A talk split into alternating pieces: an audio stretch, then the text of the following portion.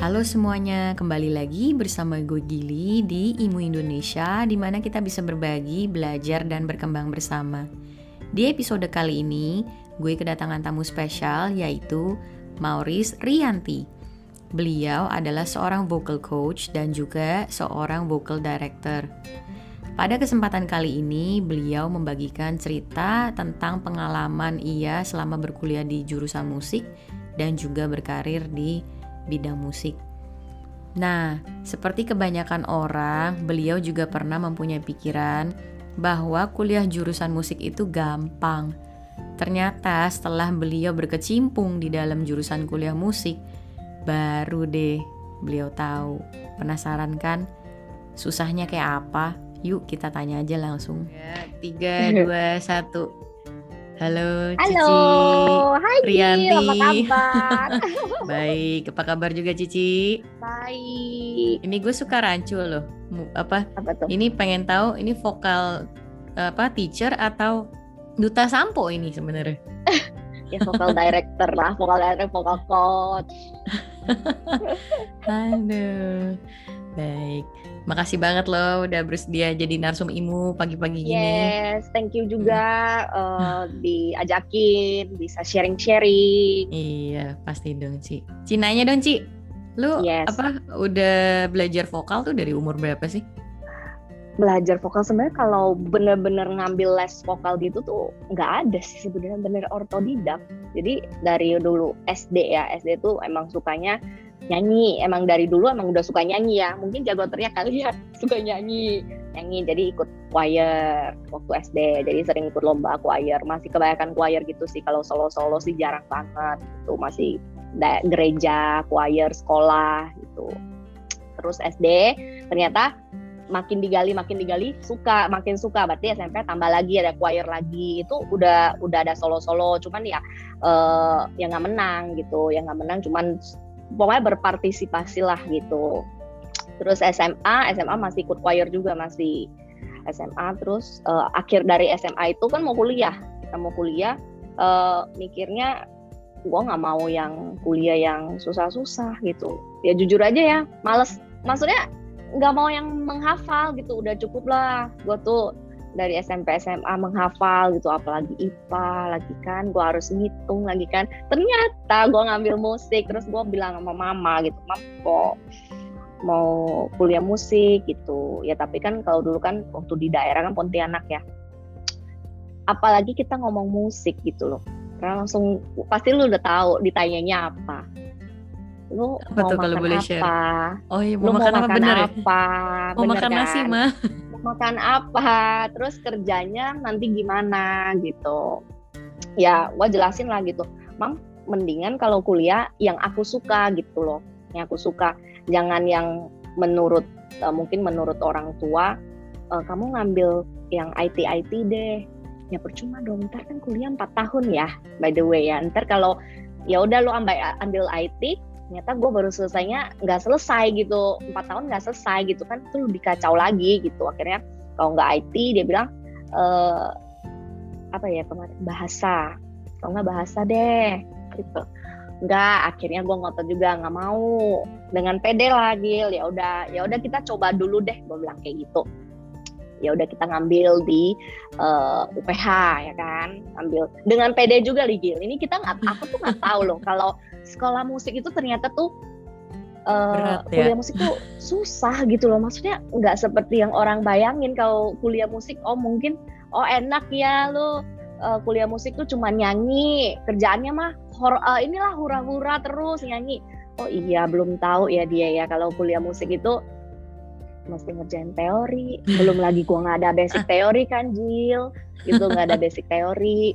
Belum lagi solve gitu. Ya udah daftar lah, eh, singkat cerita daftar lah si UPH ya udah pasti aku nggak ikut jalur yang inilah yang apa eh, apa sih biasanya yang beasiswa ya atau apa ya. Hmm, hmm. yang ah, ambil jalur biasa. Ya udah daftar gitu. Akhirnya keterima kan.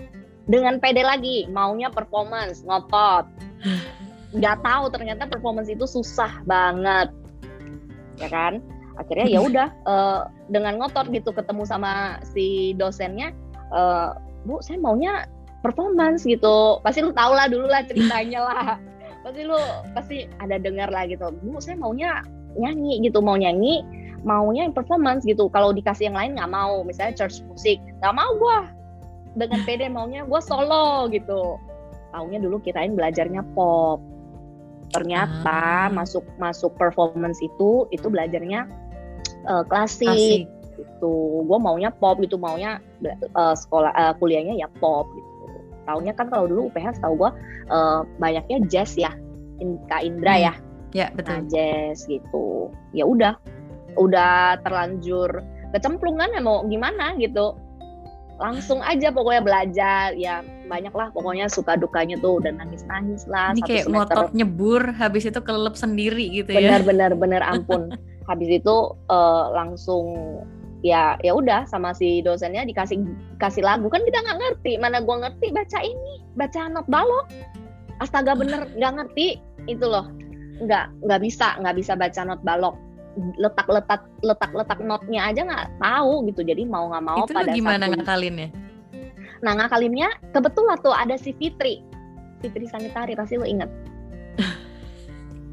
iya kan yeah, nah itu yeah. gue sama dia tuh deket sama dia sama Jessie mereka ngajarin gue terus gue bilang e, uh, Fit, Jess, boleh lu ngajarin gue ya gitu. Nggak apa-apa deh, tiap gue pulang ke kos lu ngajarin gitu. Setidaknya uh, gue nggak terlalu berat gitu di teori. Gitu ya udah ambil aja pokoknya pokoknya ya kan kita minta orang ngajar juga kita inilah eh, ntar ya ntar gue traktir atau ntar gue apa gitu. Ya mau nggak mau dari situ. Sambil kuliah ya sambil les lagi gitu bahkan. Tapi oh, ya bagus ada ambil kursus lagi ya di luar ya? Ambil kursus ya maksudnya ya sih sama si Jessie sama si Fitri oh. mereka selalu kasih gue lesson. Hmm. pokoknya Ri lu kerjain ya gini gini gini. Ya gue kalau ya bener-bener bener-bener notnya nggak ngerti. Gue bisa kalau baca not angka kan semua orang pasti bisa dong gitu ketukan gitu. Ya gue bener-bener nggak sembari gue kuliah sembari gue belajar gitu. What a good friends you have. Kayak gitu. Wow, pokoknya nice. pokoknya sama Jessie sama Jessie eh sama Jessie sama si Fitri tuh ini banget lah. Care-nya 100% lah gitu yang lu nggak bisa, nice. gue nggak ngerti apa-apa, lu belajar ya ini pakai ini, terus dibikinin pakai kertas, pokoknya lu kayak gini kayak gini dibikinin satu-satu, akhirnya ya ya udah, pokoknya kalau nggak ngerti ya sama mereka aja gitu. Hmm, nice gitu. nice. Ini jadi berarti lu habis kuliah kan ini uh, kelarnya berarti ini ya performance klasikal gitu ya? Klasikal. Vokal klasik ya betul ya? Vokal klasik benar. Mm -mm Berarti kan lu sudah terbiasa nih nyanyi-nyanyi lagu klasik nih. Ini setelah hmm. kelar kuliah pernah nggak kepikiran pengen debut gitu sebagai vokalis klasik? Atau ya, kalau lu, ada hmm, kepikiran mau ngelanjut di genre lain? Kalau di Jakarta ya lu pasti tahu lah kalau klasik kan kita butuh yang bener-bener yang kalau gue bisa bilang sih mungkin yang vokal klasik yang benar-benar perfect kali ya kan dia nggak mau dong kalau orang uh, orkestra gitu kalau nyari orang solois gitu mana mau yang kalau vokal lu belum oke okay, gitu kalau lu nggak bisa balance sama si orkestranya gitu. Terus kalau misalkan kayak baca notnya mungkin sekarang baca not udah ya udah berapa tahun pasti udah inilah side readingnya mungkin nggak cepet tapi bisa gitu loh. Nggak mungkin.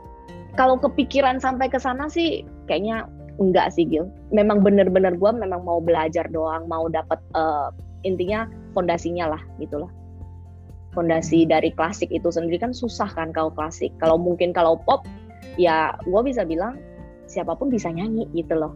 Asal lu mau asah gitu kan.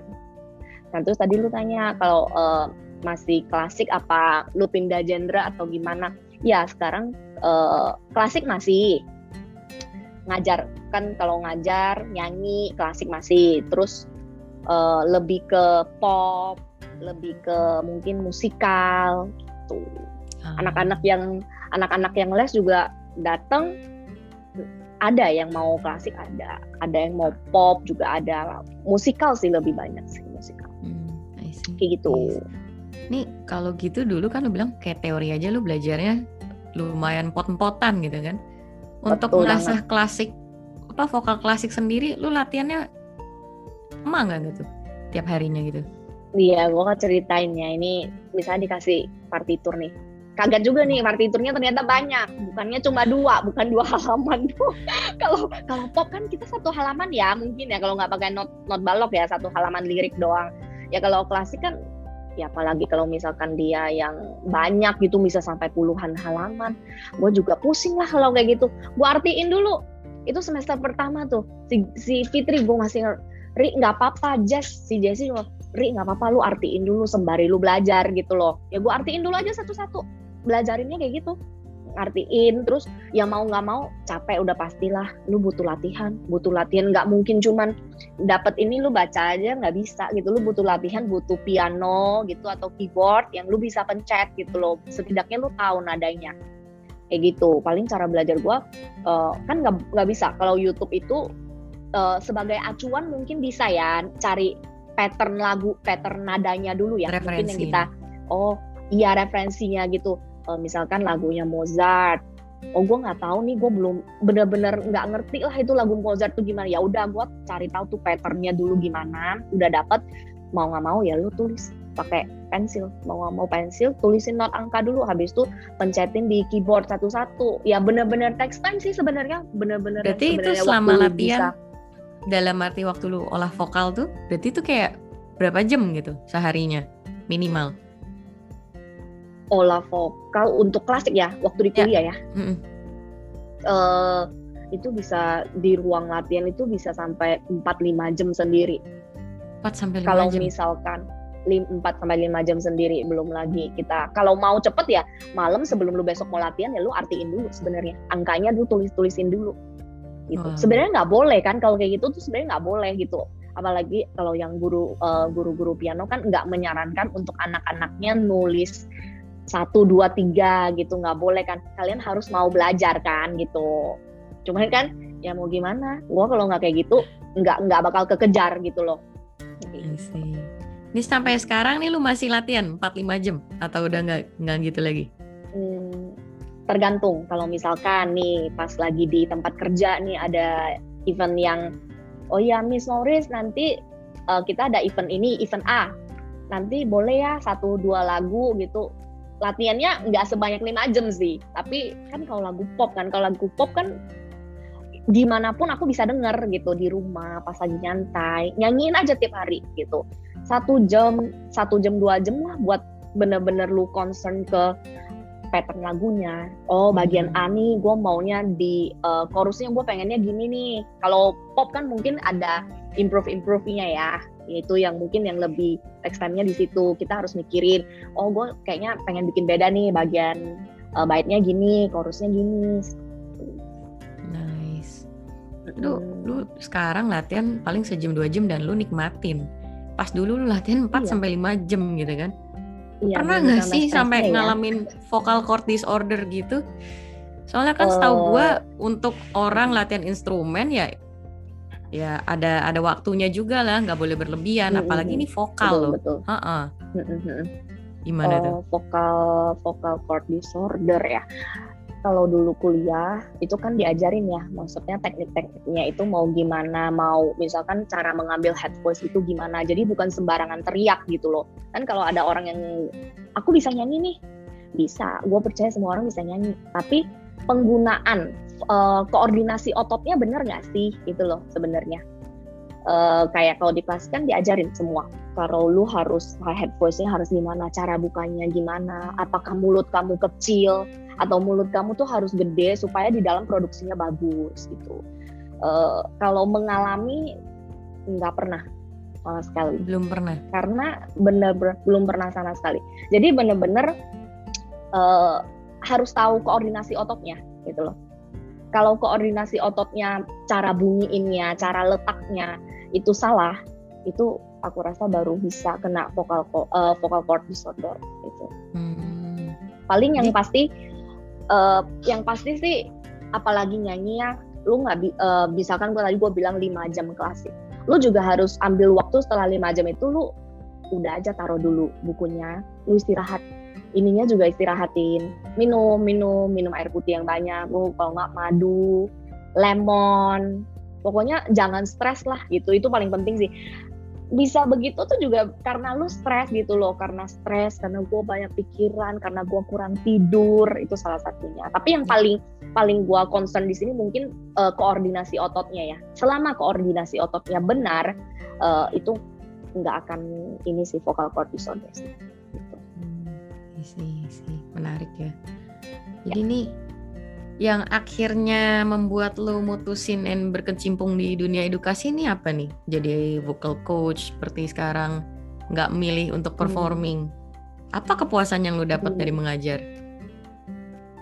Hmm, yang apa ya membuat gua memutuskan sih sebenarnya ya ya karena udah kecimpung gitu udah ya udah kok udah kuliah gua udah kuliah ya mahal ya gitu loh kita juga tahu lah mahal gitu terus lu gimana bisa buktiin ke orang tua gitu kalau memang lu dikasih kuliah begini uh, tanggung jawab ya orang tua tanggung jawab gitu loh. Lu kuliah begini lu kerja bisa dapat apa gitu. Mereka pasti akan walaupun cuman lu cuman ngajar ya kita kasarnya lu cuman ngajar dia juga pasti happy gitu loh. Karena ada gunanya gitu. Itu paling yang pertama buktiin yang pasti buktiin ke orang tua. Terus kedua uh, waktu semester berapa ya waktu kita tuh ada kuliah yang ngajar ke sekolah-sekolah anak-anak gitu loh. Gue lupa sih semester hmm. berapa dulu. Mm-hmm. Enam apa tujuh? Ya kan yang kita iya kan yang kita bikin grup itu terus diminta buat ngajar. Nah itu yang salah satu juga mendorong gue sih.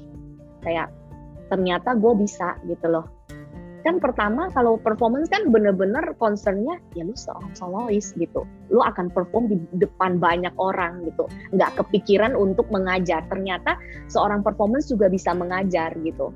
Nah itu yang bikin gue juga oh berarti gue bisa gitu. Ya why not? gitu gue coba. Akhirnya pada semester berapa gitu gue juga di disaranin lagi. Ini saran lagi banyak banget masukan dari temen-temen lah. Itu gila. Uh, salah satunya tuh si Vanessa Vanessa Andrea. Yang sekarang terkenal itu loh yang di IG oh. cari dreamy. Mm-hmm. nah hmm, hmm. dia juga yang ngedukung gua juga. Dia bilang Ri ayo. Dia bilang e, ngajar aja coba. Dia bilang. Nggak ada kata salah sih dia bilang kayak gitu. Cobain aja. Why, kenapa enggak? Coba ya akhirnya gue bilang ya udah gue coba ya tapi kalau misal gue ada ada tanya ada nggak ada yang gue bingung uh, ya gue tanya lu gitu kan. Karena dia kan kalau dulu kalau nggak salah education ya. Kalau nggak hmm. salah dia ed education. Akhirnya ya udah gue apply lah. Apply apply di salah satu sekolah musik tuh di hmm. Karawaci. Nah habis itu uh, si si cicinya yang ownernya itu yang branchnya itu bilang Mauris uh, udah sempet ngajar belum sebelumnya? Ya gue bilang enggak aja ya mendingan gue jujur kan daripada gue bohong gitu. Gue bilang belum Ci saya belum pernah ngajar. Gue bilang gue terus terang lah. Bahwa intinya gue terus terang gue belum pernah ngajar Ci. Gue bilang itu uh, ini di sini maunya ngajar klasik. Gue gituin aja. Dengan pede juga gitu gue bilang gue mau ngajar klasik Ci di sini. Ya udah dia bilang nggak apa-apa. Kebetulan kita juga lagi nyari guru klasik ngomongnya gitu. Ya udah gue langsung start. Waktu itu langsung start dapat murid yang anak kecil kebanyakan anak kecil ya di sana ya di Karawaci ya. Anak kecil ya dari situ pelan-pelan pelan-pelan naik lah gitu pelan-pelan belajar juga gitu. Terus akhirnya setelah ternyata enak gitu pertama tuh belum langsung yang sampai wah I love I love uh, teaching. Belum belum yang ada semboyan I love teaching belum. Tapi yang masih oh ya udah nggak apa-apa sembari gua kuliah lumayan lah kan gue bisa dapat juga uh, uang jajan ya dikit gitu walaupun nggak banyak dikit. Akhirnya ngajar. Ada lo tambah murid mulai tambah murid private gitu. Nah itu udah mulai oh, enak juga ya. Enak loh baru ada kata enak. Enak. Belum yang I love belum. Nah, akhirnya makin lama makin nyaman. Singkat cerita lah ya singkat cerita uh, ini gue udah selesai kuliah. Udah selesai kuliah bukannya bosen ya, bukan bosen di klasik ya, tapi pengen belajar lagi, gitu. Pengen belajar lagi, gue nggak mau cuman klasik karena gue sebenarnya gue pengennya pop gitu. Ya udah gue ke salah satu sekolah musik, eh sekolah vokal yang cukup terkenal sekarang di Jakarta. Nah habis itu gue bilang ketemu si ownernya, kak, aku mau les dia udah tahu kalau gue udah lulus kita udah gelar ya gelar sarjana. Dia bilang kak saya mau les. Buat apa? Kok mau belajar lagi? Dia nanya nanya kayak gitu. Gak apa-apa kak mau belajar supaya uh, nggak cuman klasik yang sekarang kan ya kasarannya lima tahun empat tahun setengah lah ya empat tahun setengah belajar klasik. Nggak masa iya sih empat tahun setengah lu nggak ada nempel satupun gitu. Kan nggak mungkin gitu loh udah ada yang mendarah daging lah gitu walaupun belum sampai bener uh, gitu banget tapi udah ada yang menempel gitu. Akhirnya gue bilang kayak gitu kak uh, aku pengen belajar pop pengen tahu apa aja sih sebenarnya. Dulu gue seneng banget gitu maksudnya kayak setelah selesai kuliah tuh menggebu banget pengen belajar pop pengen belajar musikal pengen juga kepikiran ngelanjutin klasik juga tuh sempet kepikiran tapi akhirnya lebih besar pop nah akhirnya ya udah ketemu uh, si kakak ini. Si kakak bilang uh, Kak Luki ya namanya. Kak Luki bilang oh ya udah les. Aku les dulu. Aku les uh, les kurang lebih hmm, sekitar 4 sampai 5 bulan.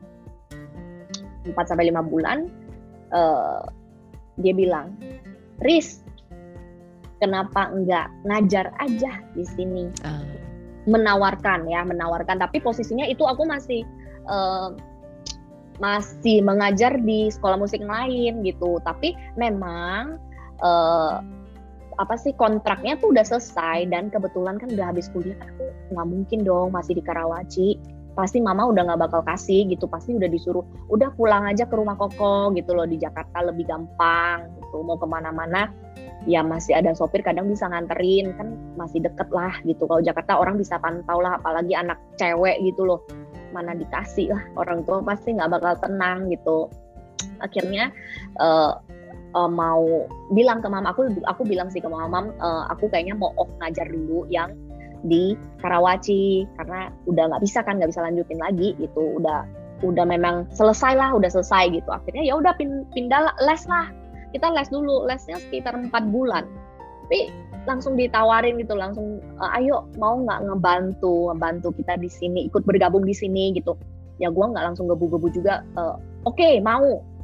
Kan nggak mungkin lagi gue baru les empat bulan gue harus gue langsung tahu gitu loh tekniknya gitu sedangkan teknik pop bukan teknik yang uh, gampang gitu loh ada juga koordinasi ototnya yang beda dengan klasik gitu loh ada apa yang harus lu kerjain supaya soundnya enak itu kan beda kalau klasik kan bener-bener soundnya bulat segala macam. Kalau pop kan beda gitu loh.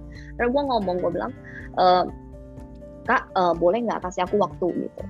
Kasih aku waktu beberapa bulan lagi, aku coba belajar dulu sembari les gitu supaya tahu gitu loh maunya apa, popnya tuh seperti apa. Ntar gue yang jadi gue tuh bisa transfer ke murid gitu loh.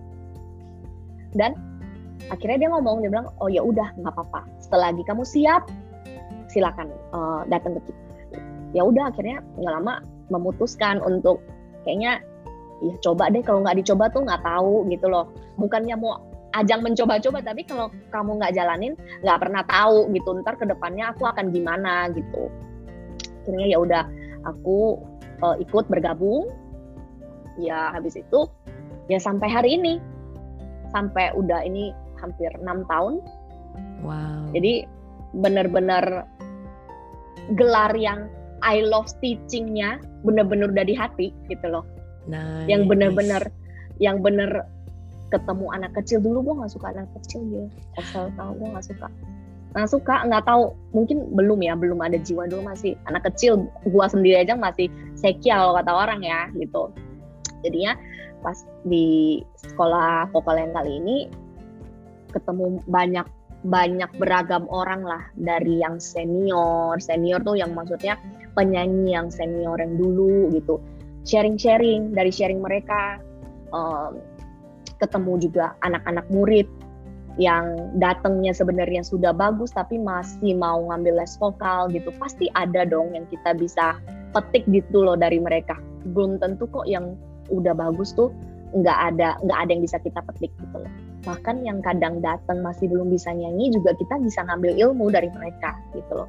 Jadi bener-bener itu yang bikin gue sih bener pokoknya I love teaching lah sekarang gitu. Bener-bener yang ya hidupku ya bener-bener mau sharing gitu mau sharing sama uh, ya teman-teman yang mau les vokal gitu nice. Jadi menurut lu sendiri yang menjadi esensi dari pembelajaran musik itu selain membentuk skill apa? Um, kalau ini tuh yang pasti selain skill pasti kita ngebentuk anak-anaknya itu disiplin ya, bener ya. Satu yang paling penting tuh disiplin. Disiplin itu contohnya kayak uh, datang ke les misalkan harusnya lesnya jam satu, dan datangnya ternyata uh, mundur nih, mundur 10 menit.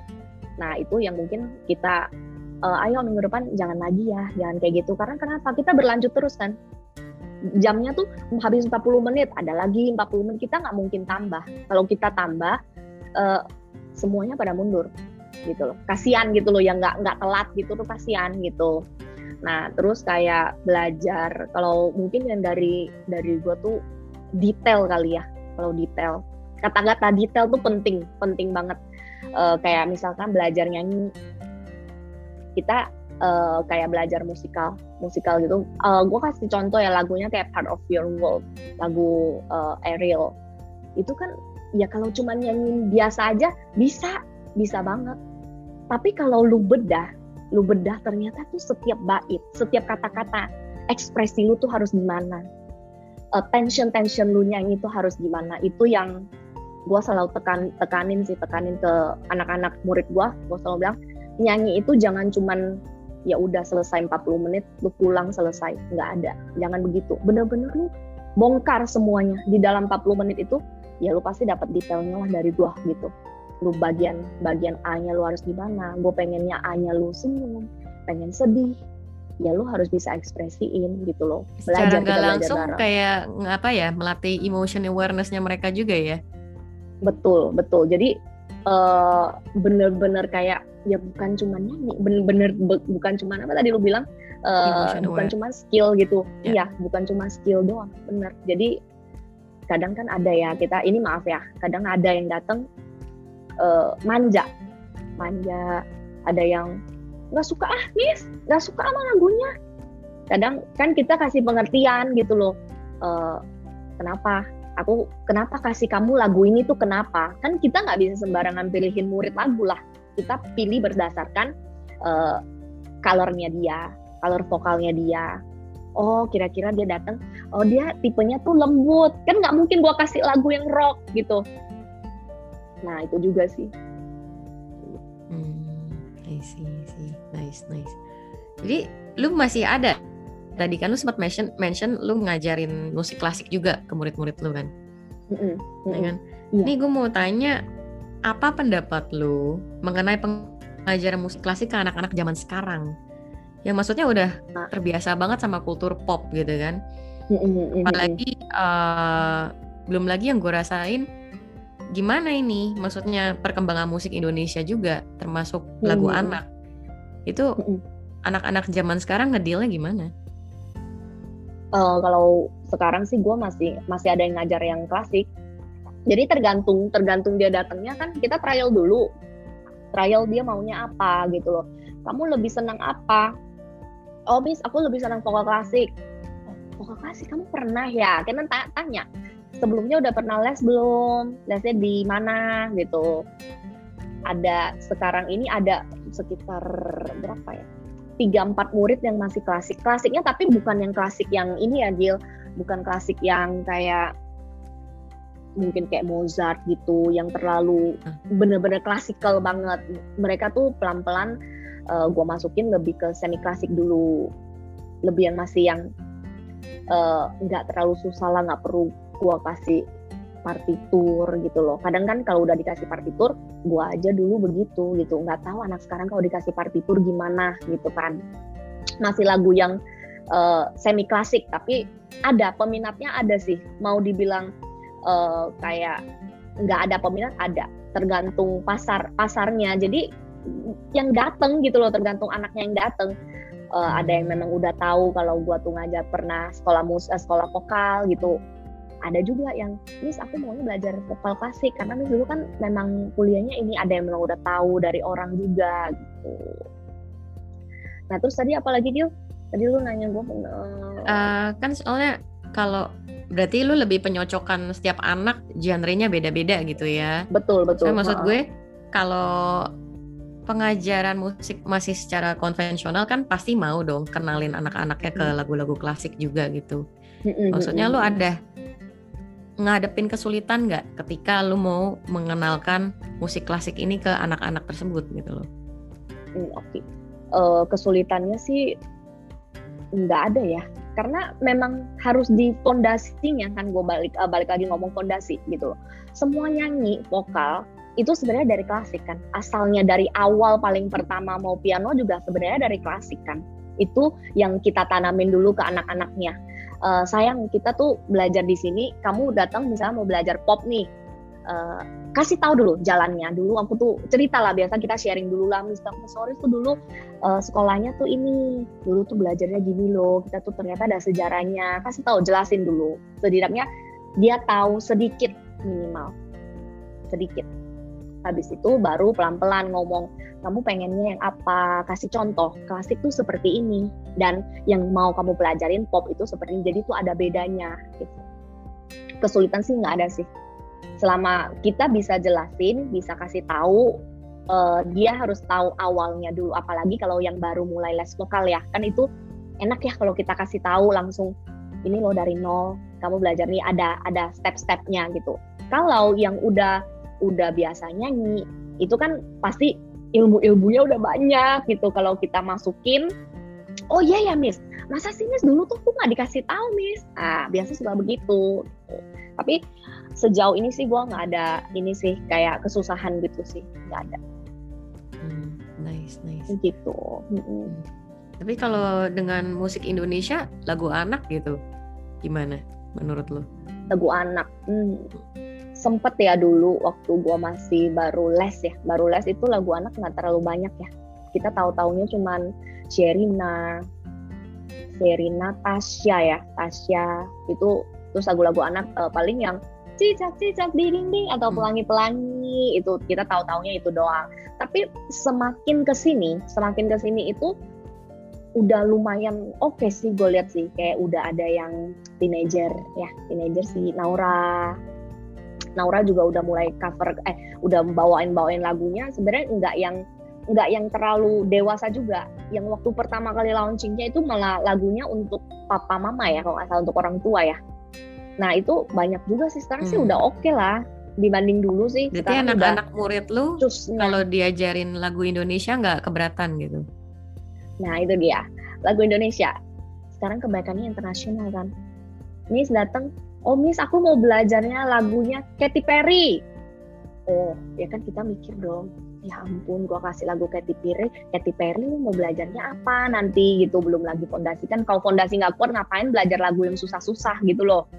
Akhirnya bujuk ya merayu dulu ya. Aku lebih merayu dulu bilang ehm, nah gini deh. Aku kasih ya boleh kamu nyanyi lagu Katy Perry. Tapi aku kasih lagu satu an satu lagu anak-anak gitu. Supaya kenapa? Kamu bisa tahu pattern lagunya itu apa lagu lagu Indonesia itu cara nyanyinya gimana. Karena dengan lagu bahasa Inggris dan lagu bahasa Indonesia itu cara nyanyinya tuh totally beda gitu loh. Nggak bisa kamu pukul rata gitu. Lebih kayak gitu sih lebih pelan-pelan ngerayu. Kadang nggak semuanya juga mau. Kalau yang nggak mau ya kita nggak paksa lah. Tapi ya usaha dulu. Dari kita sendiri tuh usaha dulu. Kayak coba dengerin dulu lah. Cariin nada-nadanya yang enak di kuping sih lebih tepatnya. Mereka bisa suka karena mereka nggak enak di kuping nadanya. Itu sih menurut aku ya. Gitu. Oke oke. Um, nih jadi lu ada wejangan nggak buat teman-teman imu di sini kalau mereka ingin ngikutin jejak kesuksesan lu buat jadi vocal coach? Nah, kalau kalau nah ini gue jawab dulu nih. Kalau sukses kan relatif ya sebenarnya ya kalau sukses kan relatif. Kalau wejangan mungkin lebih kayak apalagi di kalau yang mengajar sih lebih tepatnya karena kita uh, instruktur vokal ya yang vokal atau musik uh, bener-bener deh kalian uh, kita sama-sama ngajarnya tuh pakai hati gitu loh. Kenapa aku bilang pakai hati? Nggak semua nggak semua uh, instruktur itu mau bener-bener teaching with your heart gitu loh. Kayak cuman ah ya udahlah 40 menit doang. Gue ngajar aja biasa. Nggak mau yang bener-bener dibedah gitu. Gitu loh. Lebih belajarlah untuk ngajar detail. Belajarlah untuk uh, kayak kasih tahu anaknya. Kalau emang anaknya belum uh, misalkan kayak lagu gitu Miss aku lagunya maunya belajar cuma sebentar. 40 menit anak-anak bosen lah. Paling cuma dia nangkepnya 20 menit doang kali di kelas ya uh, lebih lebih kasih tahu lah gitu. Kalian apa ya kayak jangan jangan terlalu cepat kayak entah pun ah nggak apa-apa lah ikutin moodnya anaknya aja. Kan anaknya juga baru umur begitu nggak mungkin ngerti lah. Ngerti mereka ngerti. Mau kasih tahu pakai hati gitu. Jadi benar-benar jangan cuman ini sorry ya ini aku bilang jangan cuman datang ngajar tuh benar-benar uh, karena mau duit gitu. Jangan pernah. Itu yang paling penting. Benar-benar kamu datang ngajar pakai hati.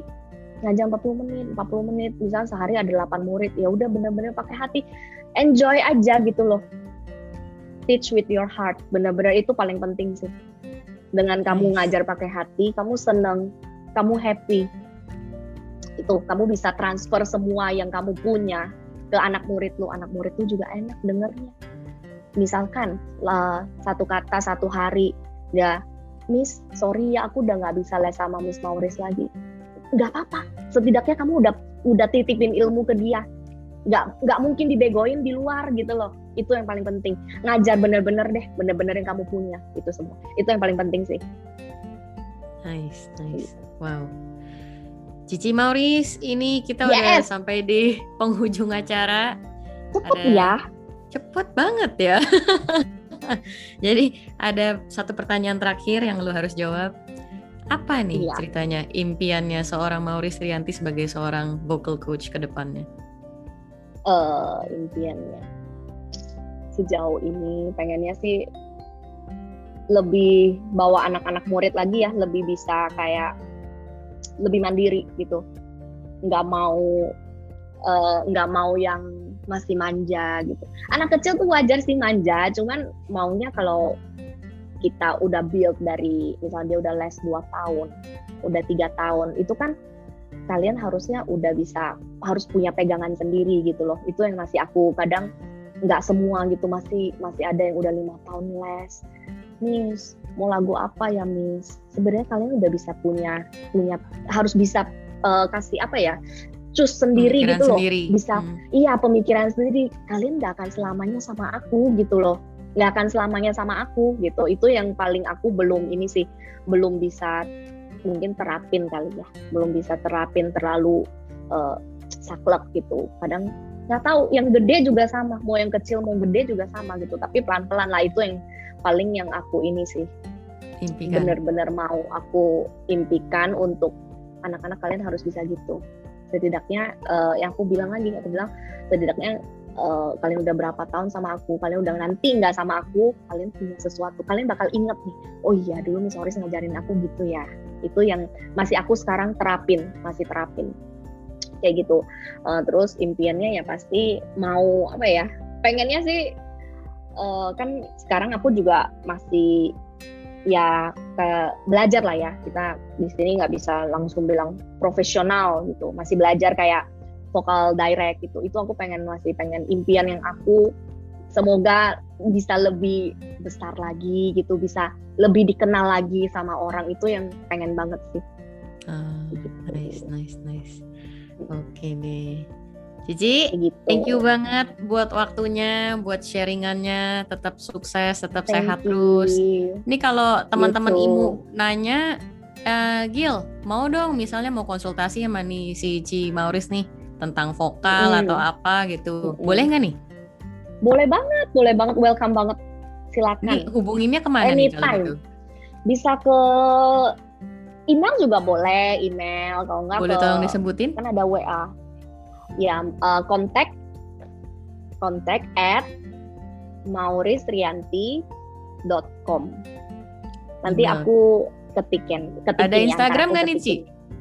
ada instra Instagramnya at by Mauris E nya double E nya double oke okay, oke okay. mm -hmm. okay, aku iniin ya okay, uh, welcome siap. mau nanya apa pun kita bisa sharing sharing silakan aku seneng banget sih oke okay. gitu. Thank you banget ya Ci ya yes. buat waktunya. Thank you ya Jill uh. udah uh, invite juga aku bisa sharing-sharing sama teman-teman juga. Semoga yang aku sharing bisa bermanfaat ya untuk kita ya, semua. Terima kasih untuk teman-teman Imu Indonesia yang telah menonton podcast kali ini. Jangan lupa klik like dan subscribe. Apabila merasakan manfaatnya, silakan di-share. Jika teman-teman ingin mengikuti perkembangan IMU Indonesia, follow kami di Instagram at imu underscore Indonesia. Dan juga bisa di Facebook page kita, Intelligence and Music. Sampai jumpa kembali di episode berikutnya.